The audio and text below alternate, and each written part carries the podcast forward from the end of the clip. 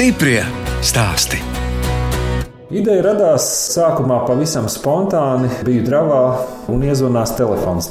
Pabeidzu sarunu, un es domāju, kas te tagad notiek. Man ir mobilais tālrunis rokā, man ir klāte rakstāmo priekšā. Vai tas tiešām ir efektīvi, ko es daru, un vai tā tiešām vajag darīt? Un tā sākās pirmkārt meklējumi, vai kaut kas līdzīgs jau ir. Jā, aplikācija ir, bet to, ko atradu, tas man šķita salīdzinoši nērti lietojams. Tā par mobilās aplikācijas izveidošanu biškopiem stāsta Jānis Kronbergs no Siguldas novada Siguldas pagasta tēļiem. Es, žurnāliste Dāna Zalamane, šoreiz ciemojos pie telekomunikāciju inženiera, un ja inženieris kļūst par biškopi, tad dravā rodas dažādi nestandarta risinājumi.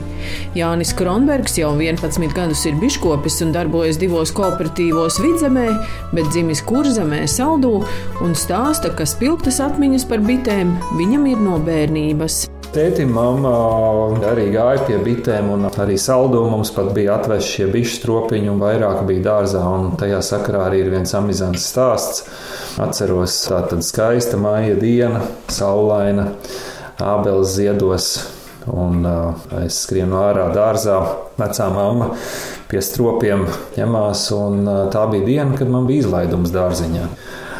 Un kā tur gadījās, kā ne, viena bite man tieši starp acīm iedzēla. Un tad, protams, pašam izbīlis un vecākiem vēl jautājums, tagad tāda svētku diena, kas tagad būs ar bērnu. Tās acis lēnām pamps ciet, pasākums drīz. Un tad tika izdomāts risinājums, ka nu, vajag sameklēt saules brilles. Tas bija 78. gads, nu kāda izvēle tajā laikā saldu universālā veikalā. Tās, kas tur bija, tās tika atzītas par labu esam. Nu, un ar tādām es arī pavadīju izlaidumu un esmu arī visās fotografijās tur redzams. Tā kā tādi ir tie mani, varētu teikt, jā, atmiņas no, no bērnības par bitēm. Es arī mūzikas skolā gāju, spēlēju violi. Protams, tad, kad puikas sit hokeju uz dīķa, man jāiet garām ar violas kastu uz mūzikas skolu, kas tad ir interesantāk. Bet tajā pašā laikā bija forši arī tāpat bija mūzikas skolas kapela. Braucām pa kolhoziem uz ražas svētkiem. Bērni spēlēja pirms balles vēl tādu bērnu mūziku. Vēlāk jau aizraugos ar radioelektroniku, 7. klases beigās man uzrunāja skolas direktors un jautāja, vai es būtu gatavs vadīt radiomēslu. Tā bija lieliska iespēja sevi pilnveidot, un tā bija Saldus otrā vidusskola, kas tagad ir Saldus vidusskola. Tās bija manas otrās mājas, burtiskā nozīmē. Nu, ko jūs tur raidījāt, ēterā mūziku? Vairāk jau tas saistījās ar pasākumiem, bija arī himnas jāliek padomju laika. Pamatā jau tas, kas pašai aizrāva, bija tās diskotēkas, kas bija jāorganizē. Tas bija tas galvenais. Diskotēka, kas saucās Disko Rodeo toreiz. Ja. Mēs pat vienu gadu uzvarējām arī, arī šajā skatē. Tad jau, protams, Tehniskā universitāte, radiotehnikas fakultāte, tas bija tāds loģisks turpinājums. Tai radioelektronikai. 90. gadu sākumā arī bija Somijas un, un Lielbritānijas investori, kas veidoja Tilts Communication un tika izveidots Latvijas Telekom un sākās pārmaiņas. Laikam man arī kā tādu jaunu un trakotu novērtēju, bet līdz ar to es tajās pārmaiņās visās biju iekšā un arī piedalījos. Tā bija tāda laba skola un gandarījums arī par to, kas tolaik tika paveikts. Strādājot Rīgā un izveidojot ģimeni, aktuāls bija jautājums, kur dzīvot. Jaunā ģimene nolēma pārcelties uz Jāņa sievas Sandras vecāku īpašumu Siguldas pagastā. Tajā laikā gan arī sievas vecākiem šeit bija zemnieku saimniecība un vēl pienlopi, bet nu, tomēr gadi un viss. Un tad bija jautājums, ko tālāk. Gribējās kaut ko savu uzsākt, jau nu, teikt, pietiekami daudz zināšanas bija sasmēlies. Samērā liela saimniecība.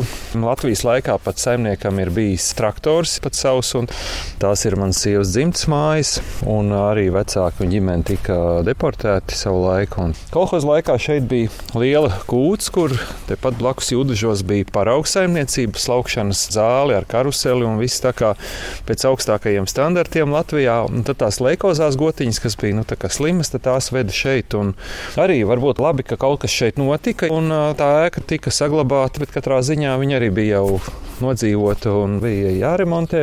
Man pašam šeit atbraucot un iepazīstot šo vietu, viņi iepatikās un bija tāds sapnis, kā viņi varētu sakārtot. Un ēkas ir renovētas soli pa solim jau no 90. gadu beigām. Skatoties uz to jūsu lielo skaisto māju, tur no vecās mājas kaut kādi pamati vēl ir palikuši. Ir palikuši pamati un, un sienas. Veranda ir piebūvēta klāt. Gribējās, lai ir tā veranda uz dienvidu pusi, un tās izbūves augšā ir piebūvētas klāt. Pārmaiņas ir panāktas praktiski ar, ar jumtu, ar, ar tiem balkoniņiem un ar izbūvi un ar tām sijām, kas tiešām izbīdītas ārā. Kas jums šeit ir? Nu, tā kā siltumnīca, bet tā kā tāds atpūtas namiņš. Faktiski tā ir pirmā celtne, ko es uzbūvēju šeit, kad mēs sākām saimniekot. Tā ir arī sava vēsture. Ir domāta kā siltumnīca, un tā arī uzbūvēta un izmantojama. Bet paši siltumnīcas materiāli nāk no saldas, no maniem uh, vecāku mājām, kur padomju laikā šīs konstrukcijas tika izmantotas, lai audzētu gan rozes, gan, gan begonijas. Tas bija tāds papildus nodarbs. Mēs arī kā bērni tajā laikā iesaistījāmies un sapratām, ka var darīt vēl kaut ko vairāk. Tā kā siltumnīcai ir diezgan liela vēsture, bet tieši šādā veidolā, jā, tāda viņa ir tikai šeit, un vienkārši ir tie profili izmantoti. Arī otrais mūžs, varētu teikt, tiem profiliem ir un arī stikliem.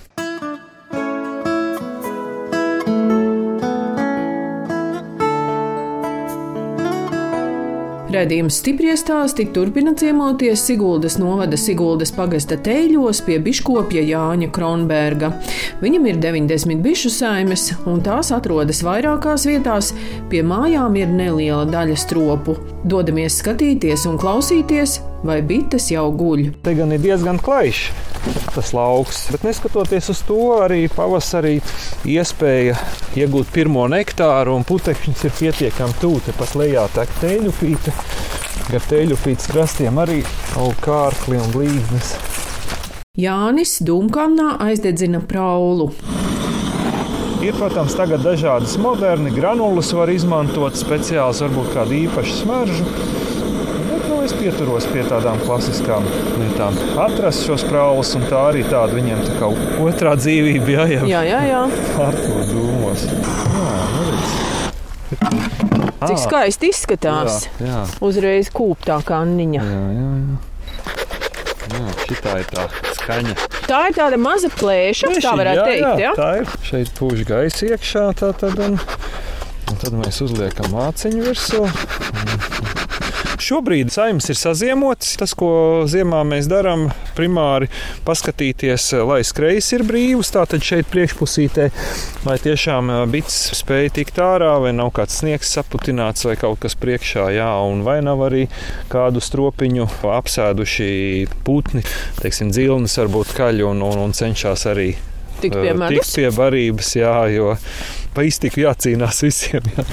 Mēģināsim vērt vaļā. Jā.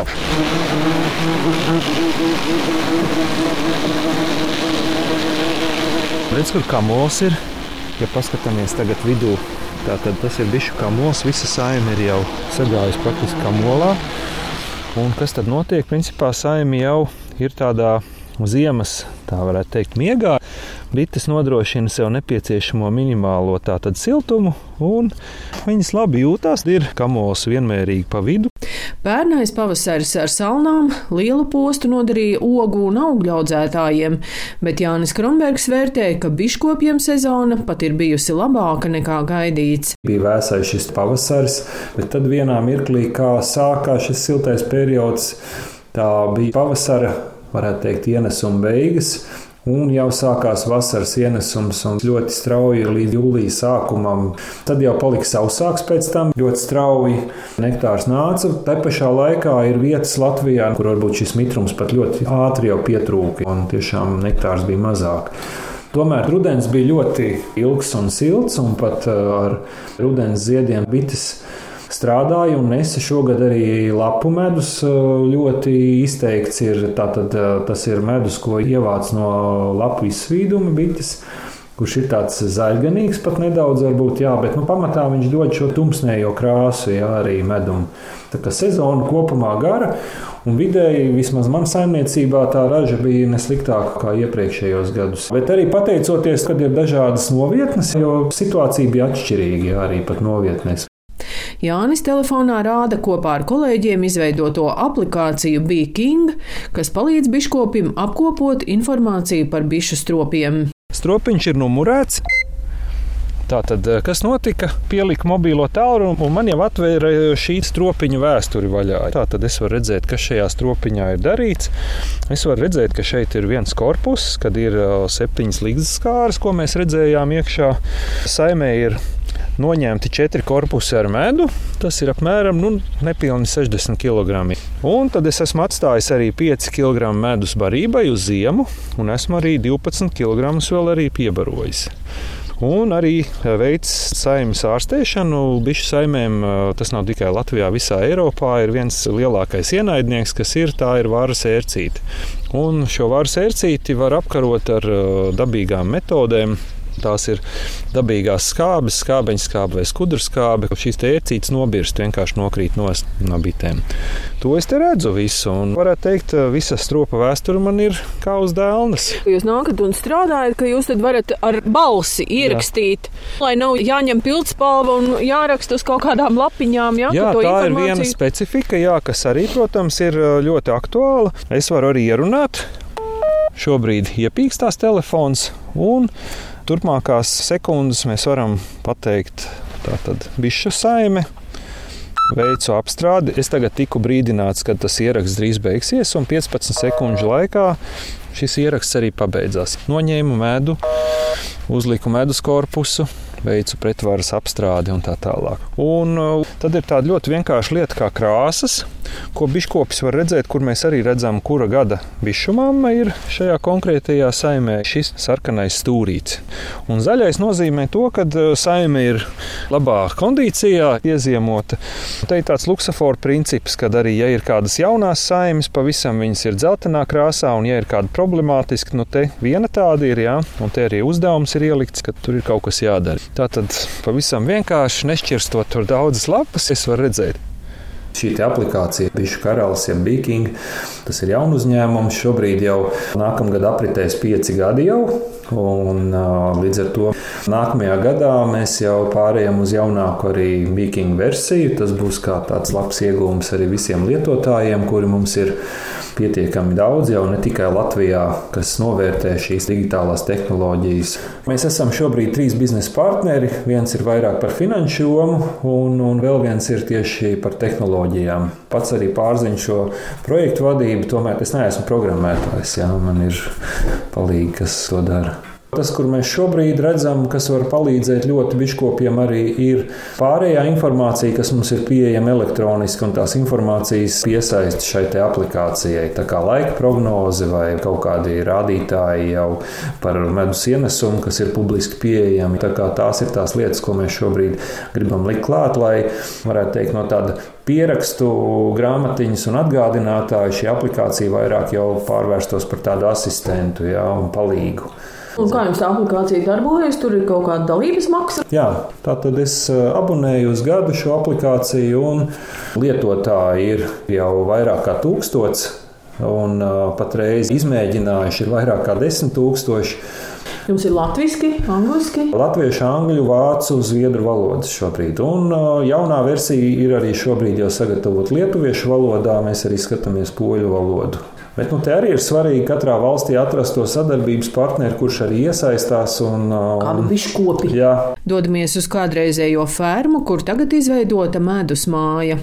Lielā nerūsējošā tērauda medus svieda jau iezīmota, telpas vidū atrodas ķieģeļu krāsniņa ar plīti. Ziemas apstākļos arī pilnīgi pietiek. Iekurināt ir arī siltumūris, tāds paprāvs. Tie notiek visi dravas darbi. Vasarā, kad tiek ievākts medus, tad mēs sviežam medu, vākojam, vaļā šūnas un sviežam medu. Tagad rudenī vairāk izstrādājam arī bišu maizi, saldējam, skaldam. Ko mēs šeit sajūtam? Jā, kas jau savus pēdas ir atstājis. Un, protams, vasks. Rudenī arī biškopi kausē vasku. Tā tad ir, ir vaska. Rituļi. Jā, vaska rituļi jau gaida, gaida savu kārtu pārtapu sveci precēs vai atkal bišu šūnās. Pavasarī atkal gatavojam rāmīšus, un, un tur man atkal dēls palīdz vairāk, un tad tālāk rāmīši ir jāiešūno. Tas ir tāds, mēs viņu saucam par tādu smaržīgo darbu, jo vienmēr, kad šūno, tad arī ir šī vaska smarža, tur man meita atkal palīdz. Bet bišu maizi faktiski bites rada, lai pašām būtu ziemā ko ēst? Jā, tā tad bites gatavo bišu maizi, kas ir radīta no putekšņiem, ko viņas ienes stropā, pārklājot ar medu. Un tajā brīdī, kad uh, tiek pārklāts ar medu, faktiski putekšņi sāk rūkt, fermentējās, jo bišķis stropā ir silts. Temperatūra ir apmēram 36 grādi, tā kā mums arī ķermenim. Un tajā brīdī šie putekšņi izrūkst, vēl bites viņus sablīvējušas, ir, tāpēc tas gabaliņš ir tāds ciets. Un tā tad bišu maizi izmanto bites savu jauno, varētu teikt, kāpuru, ja bišu mazuļu barošanai. Un ziemā jau nav šo jauno bišu, jau un pēru nav saimē, tāpēc ziemā pat šī bišu barība nav nepieciešama, un pavasarī bites jau ievāc jaunos putekšņus. Tā kā principā tas, ko mēs rudenī atņemam no bišu saimnes, praktiski tā ir tā bišu maize, kas ir pēc tā produktīvās sezonas palikusi uz pāri. Un te ir tas process, kur bišu maizīte žūst. Un kāpēc jāžāvē? Mazos apjomos bišu maize, protams, biškops var uzglabāt saldētavā.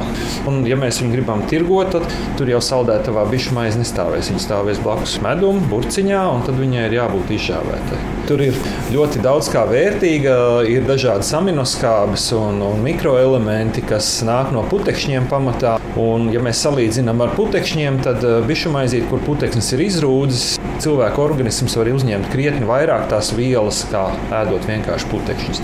Bišu maize ir ļoti koncentrēta enerģijas dēva mundrumam, enerģijai. Tas ir no dabas nācis, tas nāk no ziediem, no augiem. Pastoties uz tām žāvētavām, uz tiem leduskapiem, daudz enerģijas arī aiziet, daudz elektrības. Tas ir tāds jā, sezonāls darbs. Nu, šobrīd varbūt saulīt tik daudz nespīd. Tā, oh, tā tiešā saules, veidā saules, saules nav, nav uzstādīts, bet patreiz izbalansējam. Tas ieguvums un tas gala produkts salīdzinoši pret to elektrības patēriņu ir tomēr pietiekami labs. Protams, jūt šo izmaksu pieaugumu, bet viņš nav tik būtisks šeit. Jānis stāsta, ka pirms pieciem gadiem izveidotajā kooperatīvā medotava apvienojušies desmit vidzemes biškopji. Bija jau tāda, nu, varētu teikt, krīze zināmā mērā, kad arī medus pieprasījums tieši arī dažādos eksporta tirgos bija samazinājies, medus cena arī bija samazinājusies tās cenas nokritās, nu, tāds kā jau svārstības. Bet tas bija brīdis, kad bija jautājums, nu, kā mēs varam efektīvāk darboties, sevišķi strādājot teiksim, uz eksporta tirgiem. Šo sarunu rezultātā tapa vairāk kooperatīvi. Lielākiem biškopiem tas ir Kurlāna Hanī, kas kurzemē darbojās.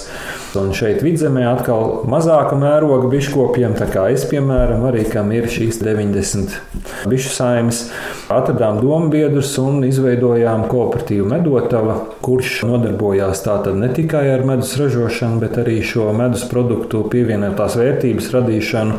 Nu, principā mēs realizējam šos produktus jau gala patērētājiem. Vai tas ir medus burciņā, vai tā ir bišu maize, ziedputekšņi, vai tie ir kādi inovatīvi brīvi produkti, piemēram, medus marmelāde. Tātad pievienojot medumu augļu sulu. Šeit ir konkrēti smilšēkšķis, vai tā var būt arī cidonija. Veidojās ļoti interesanta karšai un struktūra atkal pašai marmelādei. Tad tas noteikti ir daudz veselīgāk nekā haribo kaut kādi lācīši vai kaut kas tāds. Dažreiz pat neplānoti radās kādas idejas, ja kaut kāds produkts, un tā ir, tā ir tapusi arī bišu maize šokolādē. Tiem, kam varbūt bišu maize tādā tīrā veidā šķiet pa stipru vai pa skābu, varbūt kaut kādā veidā, tad kopā ar šokolādi tas ir baudāms. Un arī ir gan melnajā, gan piena šokolādē. No kurienes medus tiek eksportēts? Eksports mums eh, notiek gan uz Eiropas valstīm, bet ir arī tādas eksotiskākas valstis, un ir pat eh, medotavas medus aizceļojis uz Japānu. Arī cenšamies diversificēt, ja teiksim, tā strādāt ar vairākiem tirgiem, jo katrā tirgu ir sava dinamika, un tomēr ir efektīvāk strādāt šajos dažādos tirgos, bet es teiktu, apjomi priekš šiem tirgiem, protams, mums ir nelieli.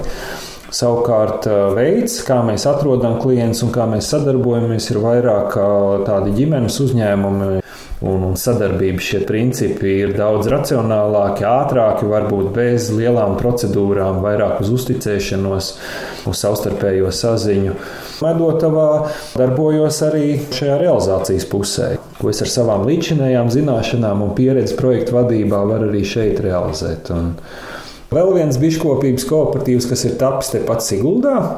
Tapa pavisam nesen, šī gada sākumā. Bet kāpēc vajag tik daudz tos kooperatīvus? Kāpēc vajag vēl siguldas? Protams, arī katram kooperatīvam ir tas savs redzējums un sava niša, kā darboties. Un šim te siguldas medus kooperatīvam atkal ir šī lokālā garša, šis fokus uz šeit tieši ap siguldu ievākto medu un arī uz patērētājiem, kas ir šeit tuvumā. Tā kā katram no šiem kooperatīviem jāatrod tas savs stāsts. Protams, ļoti labi Ja var nodarboties arī ar eksportu, tai pašā laikā, jo mazāks kooperatīvs, jo grūtāk to ir norealizēt. Tāpat laikā parādās iespēja arī šiem kooperatīviem sadarboties kaut kādā mērā. Tā kā es redzu, pakāpeniski attīstoties šai spējai sadarboties un fokusēties katram uz tām savām lietām, nozare paliek spēcīgāka. Stiprie stāstī!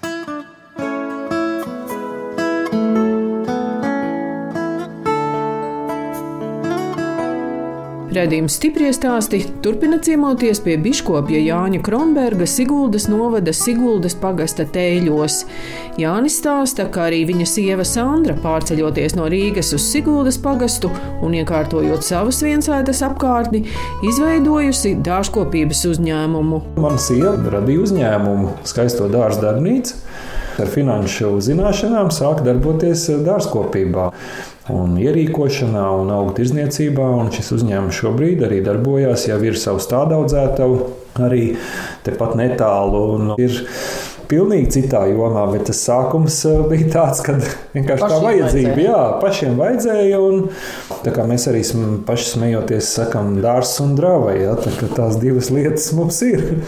Un šobrīd arī dēls Edvards ir jau 18 gadīgs, un meita Hanna 14 gadi. Abi mācās šobrīd vēl Siguldas ģimnāzijā un ir palīgi mājas darbos. Protams, ir tie darbiņi, kas te ir uz vietas, un bērni arī redz to. Bet nu, ir svarīgi to pieredzi gūt. Es redzu šobrīd, un redzēt Ārpus tās visas mājas. iespējas, jā, un tad jau nāk pie tiem secinājumiem. Tāpat arī man paveicies paceļot un redzēt pasaulē, un tad ar to bagāžu atgriezties šeit Latvijā un saprast arī, cik tas ir feini šeit, cik ir skaisti un ar ko mēs esam unikāli. Jānis stāsta, ka bijušās klēts vietā tagad uzcelta pirtiņa. Padomu laikā šeit kā, bija ferma. Tad klētī darbinieku kūtiņa bija 90. gadu beigās, jau viņa bija satrunējusi. Tur viss bija nodzīvots līdz kliņķiem. Praktiski palika daudz satrunējuši koku, un šie daži vēl redzami lielie pamatakmeņi. Mēs te dažus atstājām, jo nu, kā klēts jau bija uz paaugstinājumu. Un sākumā sakopām, un tā vieta kaut kā uzrunāja. Tieši tas auguriņš, un visi domājām, nu mums tur varētu būt pirtiņa. Tā arī tapa pamazām.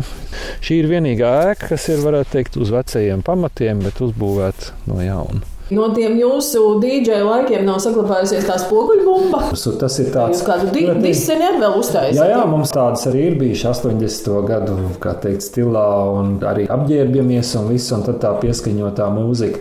Pārsvarā tās ir kādas jubilejas, vai nu mana dzimšanas diena, vai Sandras dzimšanas diena. Tas ir pārgājiens pa dienu, pēc tam mēs kaut ko darām šeit uz vietas pa jauno gadu, teiksim, iet meklēt sniegā kaut kādas apslēptās mantas vai vilkt bluķi te apkārt. Visādas izdarības, jā, tādas ir interesanti. Šeit mēs arī dodamies kādā pārgājienā. Tādu uz dienu, nu, 20 km. Teiksim, tā ir dažādi. Tas ir pa visu Latviju. Ja, šie maršruti ir pieejami, un, un tas ir arī man šķiet ļoti, ļoti vērtīgs un tāds kā iepazīt arī Latviju. Un, un kopā arī mēs šeit dodamies Bet nu, šobrīd ir tāds brīdis, kad bērni jau ir pieaugušāki, jā, un tad jau ir tā, ka katram ar saviem draugiem tas brīvais laiks arī aiziet. Tāpat uz koncertiem ejam un cenšamies apmeklēt pasākumus. Siguldas Devons. Arī jā, Devons, bet tāpat arī kaut kas ir redzams Māpelī. Nu, arī Rīga nav tik tālu, un Cēsis arī tā kā tepat līgatnē vasarā bijām uz dzelzceļa koncertu. Tā lieliski izbaudījām Jānis Kronbergs vada arī Latvijas biškopības biedrības Siguldas nodaļu un palīdz jaunajiem biškopiem. Jaunajiem ir interese par biškopību. Jā, ir. Protams, tas radās varbūt vairāk, es teiktu, 30, plus, kad ir jau ģimene, ir varbūt īpašums. Un ir arī vienkārši, kad ir interese par bitēm un saprast vispār, vai būs interese. Tas tā kā man sākot, pamēģināt nelielu solīti kaut kādu spērt, jo mēs redzam, ne visi kursanti arī reāli pievēršās biškopiem. Patreiz arī esmu projektu vadītājs biedrībā tādai kampaņai informatīvai, ko mēs veicam ar saukli dabas spēks karotē medus kuras mērķis ir tieši veicināt sabiedrības informētību par vietējo medu un tādā veidā arī veicināt šī vietējā medus patēriņu. Atjaunot medus LV lapa, Tā ir tā vieta, kur patērētājs tiešām var iepazīties ar dažādiem medus veidiem, kā viņus lietot. Tur ir recepts iekšā arī. Un, protams, tad ir dažādas aktivitātes, sākot ar patērētāju aicināšanu uz uh, biškopu dravām, kas mums norisinājās arī augusta nogalē. Tad ir dažādi lokāli pasākumi, tā kā piens, medus maizes svētki Jelgavā, Arī piedalījāmies Rīga Food ar, ar izstādi, un šobrīd gatavojamies arī doties uz skolām. 48 biškopi dosies uz vairāk kā 100 skolām Latvijā. Mums ir degustēšanas komplekts. Mēs tātad piedāvājam nogaršot uh, dažādu veidu medus, kas ir svarīgi. Viršu, griķu, jā, lai, lai var uh, šo garšu gāmu tiešām saprast. Un stāstīsim bērniem, kā top medus, kā rodas kāds ir šis ceļš no zieda līdz burciņai. Šeit eh, novadā gribu iedibināt, ka mēs varam dot iespēju bērniem pagaršot medu vismaz reizi nedēļā pie pusdienām. Šī medus maize, ka viņi ir pieejami. Gan jau vienu dienu mēs pie tā arī nonāksim, bet šobrīd tas būs tā kā līdzīgi ar to skolas augli. Jā, tas būtu ļoti līdzīgi. Arī dodos uz Siguldas jaunradas centru, kur es vadu pulciņu bišu draugs kur arī jaunieši, bērni, pamatā mums tur ir līdz 5. klasītē, ja tādi bērni. Tātad reizē nedēļā mēs sanākam kopā un izzinām, kāds ir šis bites darba cikls, kā bites ar augiem sadarbojās un ko tad dara biškopis. Un tad bērni dažādi arī iesaistās tajā visā, piemēram, ar zīmējumiem. Šeit ir tas no zieda līdz bišu stropam, viņš arī uzzīmē, kā viņš to redz, kā tā bite lido un kur lido. Katru reizi, kad mums ir nodarbība, protams, arī tad, uh, mēs pagaršojam medu. Tā tad viens no veidiem, arī pietiekami vienkārši, ir tāds, ka mēs uh, medu ēdam ar, ar maizīti. Ar rupmaizīti? Jā, ar rupmaizīti. Šis ir dažādi ziedi, tas ir oh. tepat ievākts. Tāds vietējs un tādu nelielu skābumiņu. Tad atšķirībai mēs varētu paskatīties liepu medu. Šis ir ievākts Rīgā. Jo Rīgā daudz liepu. Daudz liepu, un tajā brīdī, kad viņi zied, tas īpatsvars pārējiem augiem ir salīdzinoši neliels. Un ir interesanti, es pats biju ietekmējies arī no biškopu stāstījumiem, kad bērniem vairāk patīk maigs medus, pavasara tas ir tāds gaišs. Kad es pats sāku jau doties uz skolu, un arī tagad pulciņā dodu bērniem garšot, tad ir tā, ka es teiktu, gandrīz pusi uz pusi ir tie, kam garšo šie maigie medi, un ir kam vajag kaut ko tieši spēcīgāku. Dabas spēks karotē medus, te viss arī ir pateikts. Mēs ar jums tiekamies, nu, kad drīz ir tas gada tumšākais laiks, kad tā diena ir ļoti īsa. Paši sev arī kādu svecītu uztaisat? Jā, noteikti, un tas ir tāds rituāls, ko mēs tieši ar Ziemassvētkiem arī paši darām. Arī tad, kad mēs tiekamies jau arī ar vecākiem, ar brāli, ar ģimenēm, tad varbūt ne tieši Ziemassvētku vakarā, bet kādu vakaru iepriekš, kā teikt, tas iedod tādu savu savu smēķi un tādu jau rituālu sajūtu. Jā. Protams, formiņas ir dažādas, svecēm arī nopērkamas, un, un tā ir daļa no tāda rituāla. Šad tad nedaudz kādu propolisa gabaliņu, kad pieliek vēl klāt, jo tad arī šī propolisa smarža ir vēl aromātiskāka. Nu, sapņi noteikti ir uh, turpināt iecerēto un uh, varbūt atrast to, kas man pašam labāk patīk. Un, jo es aizraujos ar vairākām lietām, un, un tas, kas ir svarīgi mums ģimenē un teiksim, bērniem, lai ir uh, prieks un pamats redzēt, kā saimniecība attīstās, un kad tiešām paši var arī daudz ko sarūpēt un iztikt no tā visa. Tā ir nu, tāds stabils pamats, lai tas veidotos. Un, protams, lai pasaulē un arī dabā mums ir līdzsvars. Mēs redzam arī šī vasara, tā sezona, kas bija arī biškopībā, nu, visdrīzāk, ka viņas jau arī paliek mainīgāk un lai mēs spējam pielāgoties tam visam un turpināt. Tā jau ir tāda attīstība.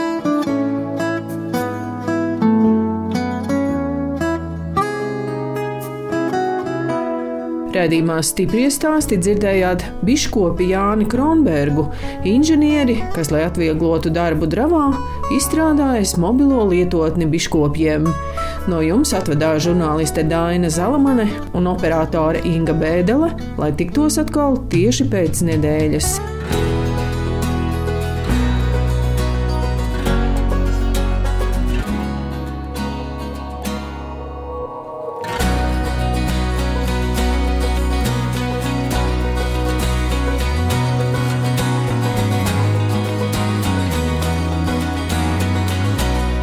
Stiprie stāsti.